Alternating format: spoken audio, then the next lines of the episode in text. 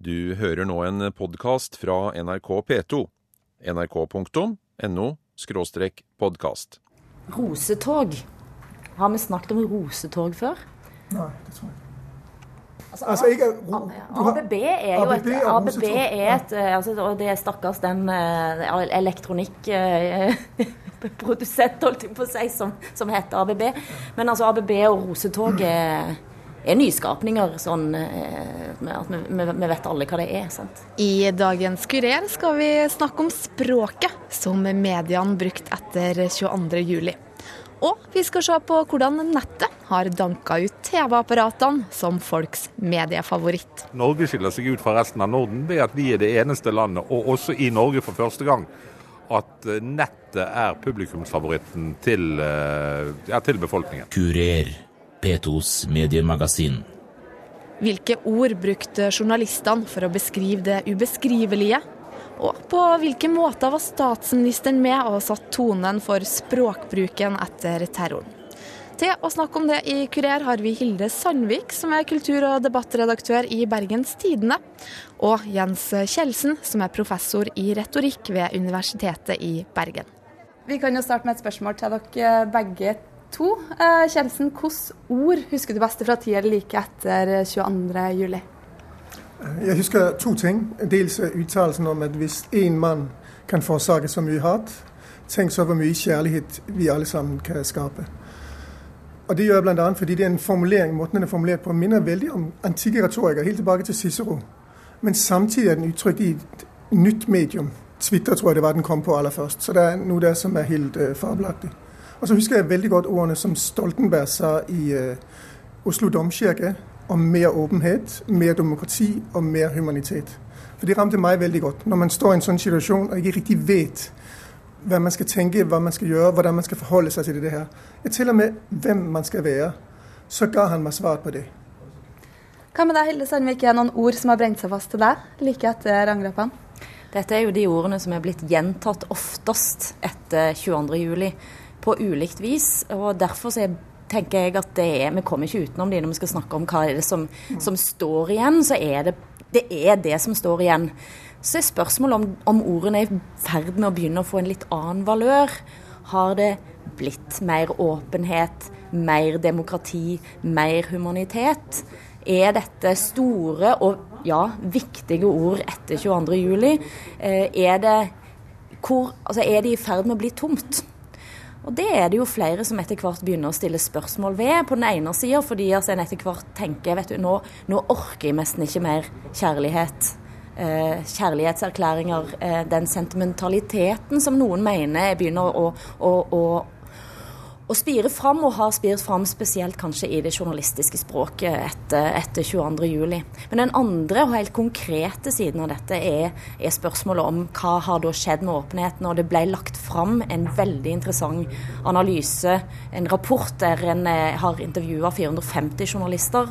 Veldig mange av de har jobba med 22.07.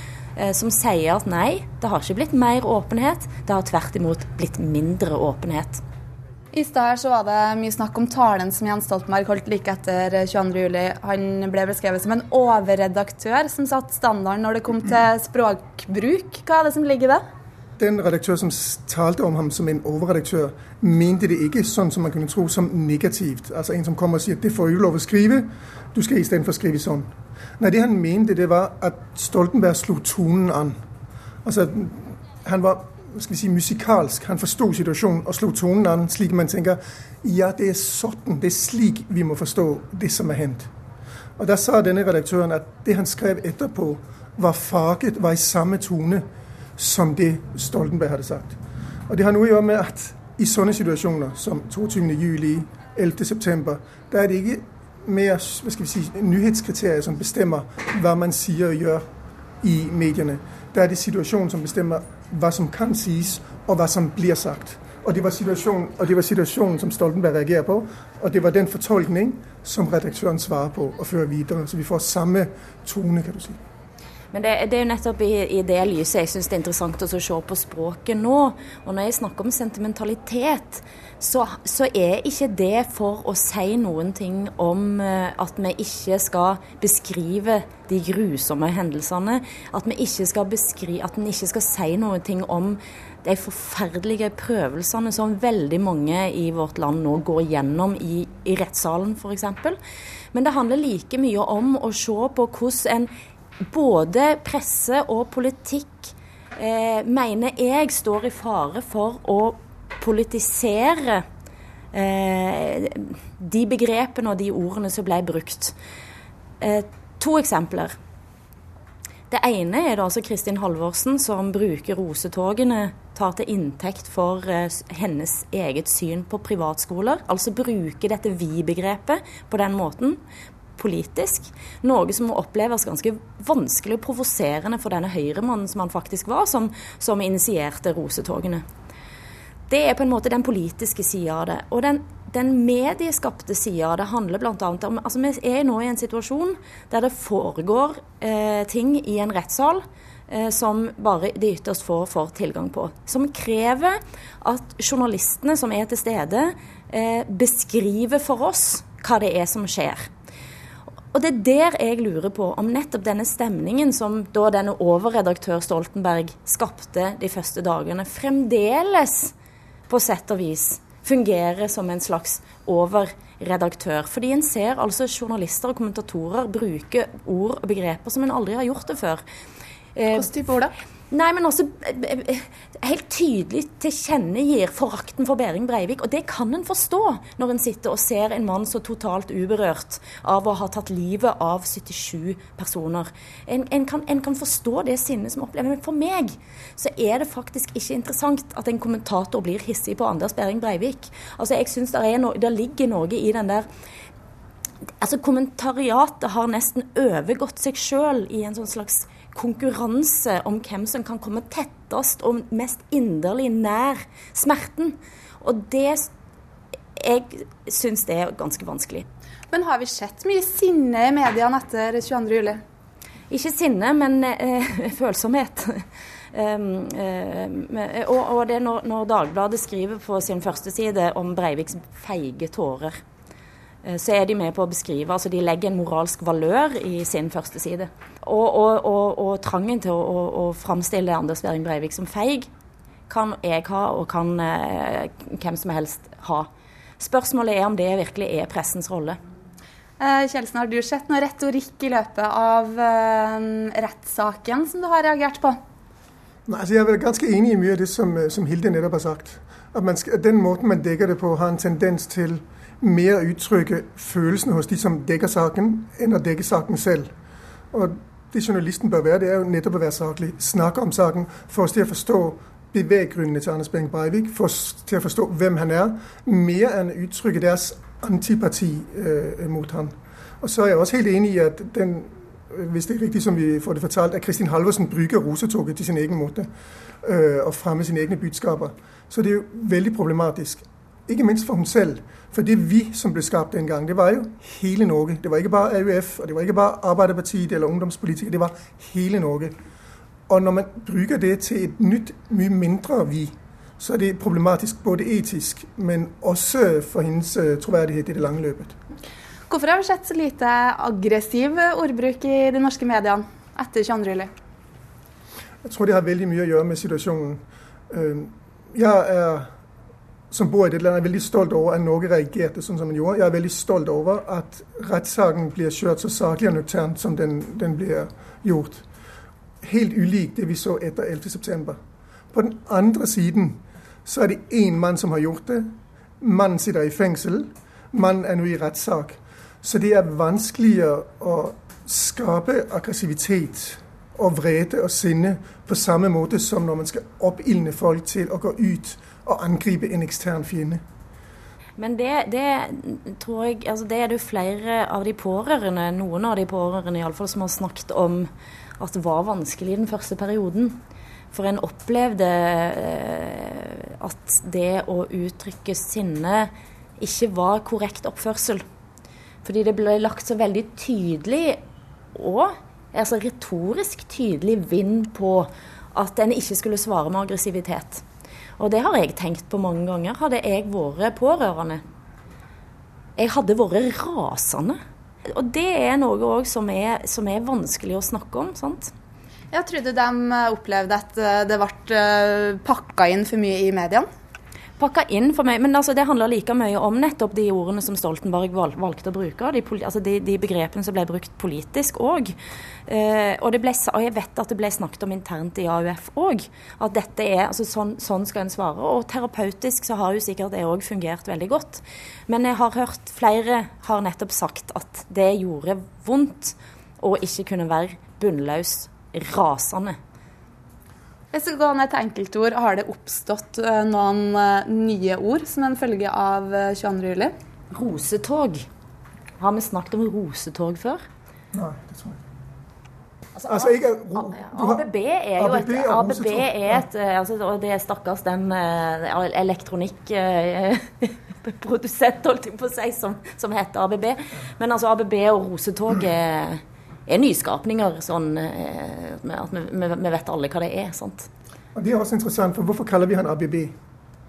Altså det, det, det er, på en eller annen måte så forsøker vi ofte gjennom språket å distansere oss fra noe vi føler er, er fryktelig. Og en måte å gjøre det på, det er ikke si mannens navn. Og det kjenner man jo tusenvis år tilbake, at man nevner ikke djevelens navn, fordi da kommer han inn i huset. Og det er litt det samme her. Så ved å si ABB, så har du på en måte ikke nevnt den fryktelige mannens navn. Du kan også si terroristen, men det er veldig sjelden at folk faktisk sier Anders Behring Breivik. Men Hva med å omtale han som f.eks. For, for terrorist? Var det noe man gjorde umiddelbart, dere?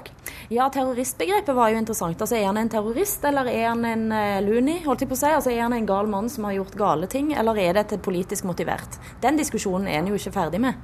Kurer NRK P2.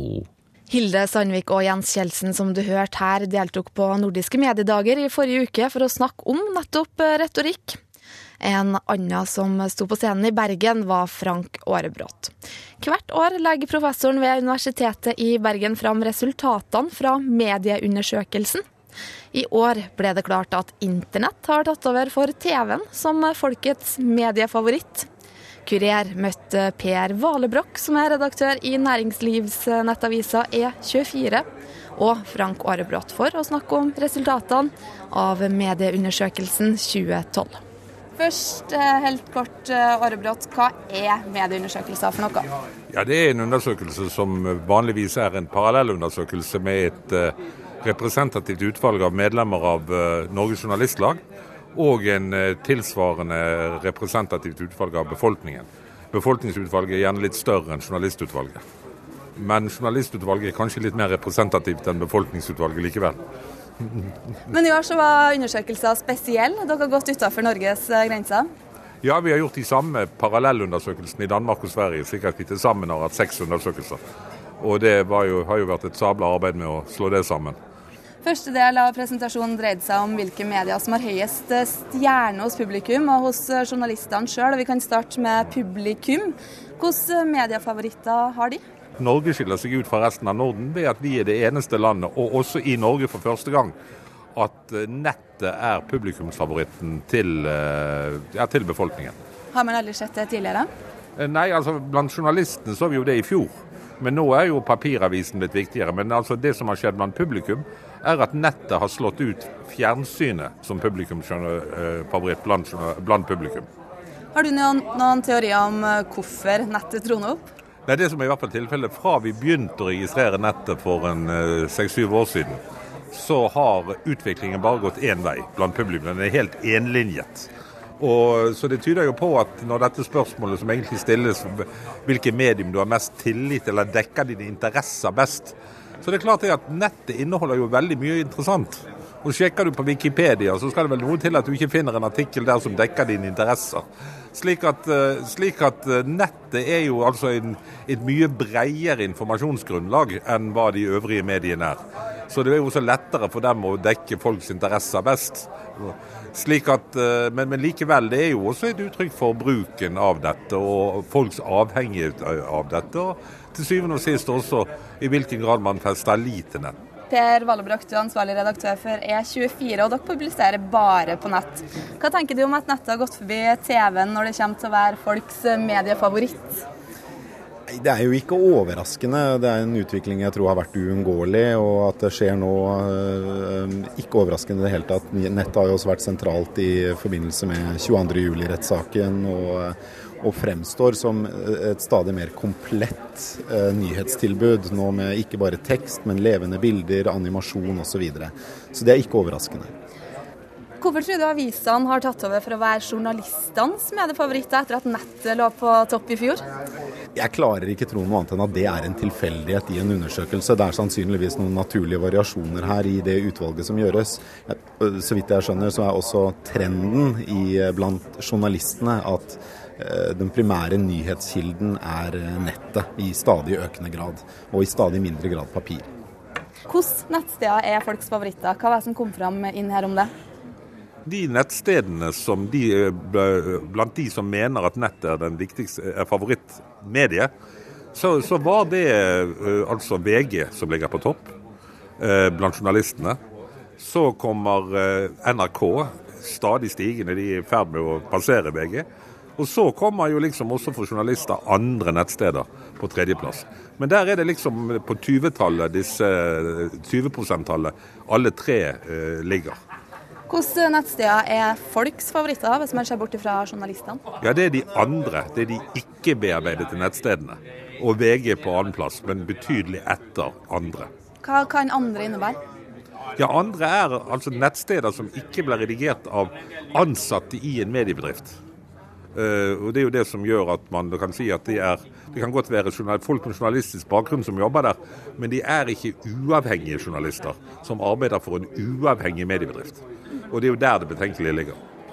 Det viser seg at andre nettsteder har en høyere stjerne blant folk enn redaksjonelle nettsteder. Hva tenker du som redaktør for E24 om det? Mm.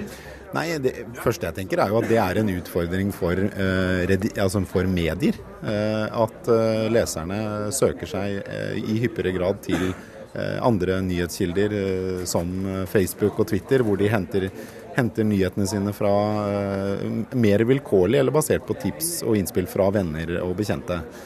Det er jo noe medier er nødt til å forholde seg til, og, og er nødt til å ta på alvor. På hvilken måte kan dere forholde dere til det? Nei, vi, vi, prøver jo etter beste evne å, å eh, være i sosiale medier selv. Og følge hvordan våre saker lever livet videre på sosiale medier. Eh, og knytte sosial, den sosiale mediehverdagen til, til leserne tettere opp mot vårt redigerte innhold.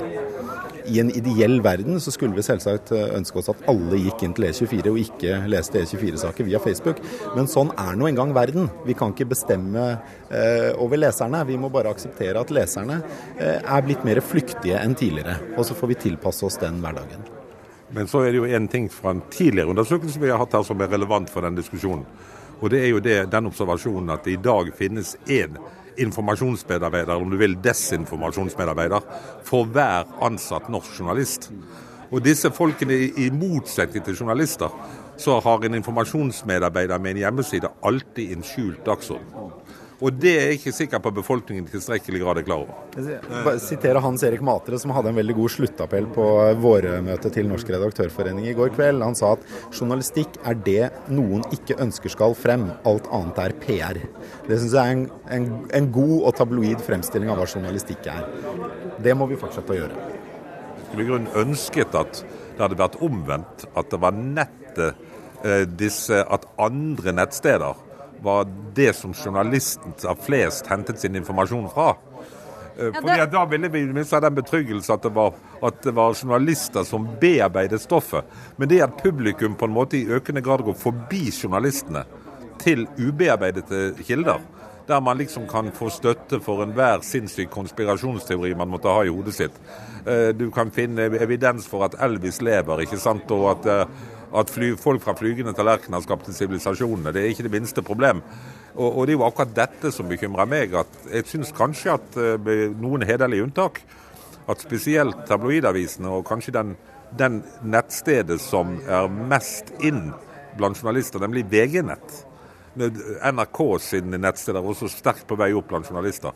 Men særlig VG-nett har altfor lett for å lage Det er helt riktig at de har kildeanvisninger, men klikkbare kildeanvisninger til eh, nettsteder som de ikke kan gå god for. I det øyeblikk du får et lite blått felt i en journalistisk bearbeidet sak, så ligger det et eller annet i en slags garanti. Folk føler at da har journalistene godskrevet at dette er en valid kilde. De skal jo selvfølgelig oppgi kilden, men det å liksom si 'klikk her' for å komme inn til folkebevegelsen mot innvandring, og der finner du liksom en nytt klikk til Gates of Vienna. Slik at er det så lurt at du bare har to museklikk fra Gates of Vienna? Selvfølgelig skal man oppgi folkebevegelsen mot innvandring hvis man har det som kilde, men hvorfor skal man nødvendigvis blå den ut? Altså, jeg syns at veldig mange journalister har et veldig ubevisst forhold til det at når du lager en klikkbar referanse, så gir du også en slags garanti. Gir, sitter du ditt gode navn bak at dette er noe som er noe mer verd enn bare en meningsside. Og, og det bør man tenke over. Er ikke folk i stand til å tenke sjøl når de går inn på slike nettsider? Det er vanskelig å si. fordi at innpakningen av en side Altså Papiravisen, så kunne du se om det var veldig mye bilder, om det var en tabloidavis eller en kvalitetsavis. Innpakningen i webdesign er, er sånn at du kan lage en dødsseriøs eh, webdesign som inneholder bare tøv. Og VG, som er en rimelig seriøs avis, deres webdesign ser ut som et bomba horehus. Men altså, det er jo like fullt en Så altså Eh, disse her subtile signalene om hva som er seriøst og hva som ikke, det, det finnes ikke på nettet. Fordi at innholdet og design av sidene er ofte veldig frakoblet hverandre. Per Valbrok, hvor bevisst er dere på hva dere linker opp til, til andre nettsteder? Nei, Vi forsøker jo å gjøre en eh, redaksjonell vurdering av hva vi linker til. Første spørsmål man stiller seg er jo er det relevant å linke til andre kilder. Og, og så ja, ok, hva slags kilde er det vi faktisk linker til. Eh, og så er det klart at man må jo presisere ettertrykkelig da, hvis det ikke er noen grunn til å stole på den informasjonen man linker videre til, så er det jo sannsynlig at det er nettopp hovedpoenget i artikkelen. Eh, som regel så vil man jo linke til eksterne kilder Eh, for mer informasjon fra kilder man selv har tillit til. Det vil jo være normalen. Eh, når det gjelder det eh, folk flests og journalisters bruk av andre nettkilder enn tradisjonelle medier, så tror jeg jo veldig mye av det går via nettopp Facebook og Twitter og andre sosiale medier. Fordi folk stoler kanskje på mediene. Heldigvis så er det mange som fremdeles har tillit til mediene. Men de stoler enda mer på vennene sine. Eh, og fordi du gjennom sosiale medier kan se hva vennene dine og familien din er opptatt av hva de syns var interessant å lese om fra tradisjonelle medier, så eh, er ofte sosiale medier også en foretrukket nyhetskanal. Eh, men til grunn for dette så ligger det jo at tradisjonelle medier uavhengig av hva slags eh, publiseringskanal de har, må eh, bygge tillit til sine lesere. Enten leserne eh, går direkte til dem, eller via Facebook eller andre sosiale medier. Frank Aarebrot, tror du av det er sosiale medier som Twitter og Facebook som er en stor del av den andre kaka som troner høyest? Det kan godt tenkes. Vi spurte riktignok om sosiale medier spesielt, men hvor veldefinert dette er for respondentene, det kan man jo stille spørsmål om. Og, og der er heller ikke tillitsskåren spesielt høy. Men eh, hadde du spurt om de hadde tillit til sine venner, så har jo selvfølgelig Valov vært rett i at det ville gitt en mye høyere skåre. Hvis vi, eh, hvis vi ser da på Det som skjer, er jo at eh, en, en nettside blir, blir referert av, av, en leser som er på jakt etter å få bekreftet noe. Og Hvis vi da ser på f.eks. sånn som Huffington Post og en del andre amerikanske ryktesider, som ikke utga seg for å være noe annet enn ryktesider, de traff da bingo på noen saker, enkeltsaker. Ja, men det viste seg å være riktig. Clinton hadde drevet på med sigarer med Monica Lewinsky. Ah, de hadde rett. Så de få gangene de har rett, så får de troverdighet, selv om mesteparten av det andre de skriver er tøv. For det er ikke skikkelig kildeskikkelig. Så, så, faren som seriøse journalister går i, er at useriøse kilder har jo også rett. Du kan si det slik at en klokke som står, viser rett tid to ganger i, i, i døgnet. Og, og, Sånn er det også med en del av disse ryktesidene. At, at uh, Hvis man da ikke har en slags systematikk, og selger den informasjonssystematikken som er innbegrepet på journalistikken, og forsvarer den uavhengig av teknologi, så kan man lett komme på ville veier. Det er faktisk slik at, at journalister i dag er kanskje litt for opptatt av teknologi, og litt for lite opptatt av selve kjernen i det de driver med. Altså, en bibliotekar et bibliotek, vil ikke drømme om å drive et arkiv uten en arkivar og en bibliotekar uten et bibliotek. Og jeg mener at egentlig det journalistikken er en sånn eh, portvokter i forhold til informasjon.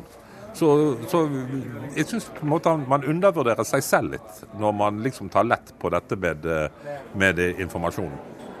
Tror du kategorien andre kommer til å trone høyest blant folk til neste år også? Ja da. Og så håper jeg kanskje at skoleverket begynner å snakke mindre om diktanalyse og, og, og hvordan vi skal forholde oss i Johan Gutenbergs verden.